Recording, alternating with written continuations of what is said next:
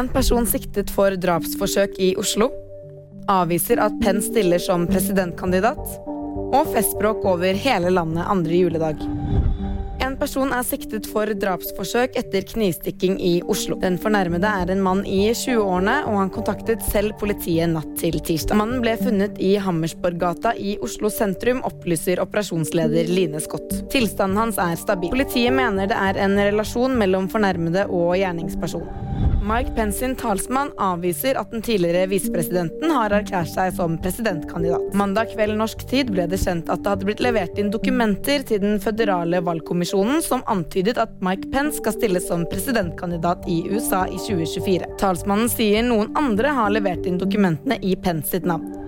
Det har vært mye festbråk over hele landet andre juledag. Særlig i Tromsø har det vært mye politioppdrag. Men operasjonsleder Robin Lindberg sier det dreier seg om vanlige helgegreier som krangler, utagering og urinering på offentlig plass. Og VG-nyheter fikk du av meg, Kaja Stoltenberg.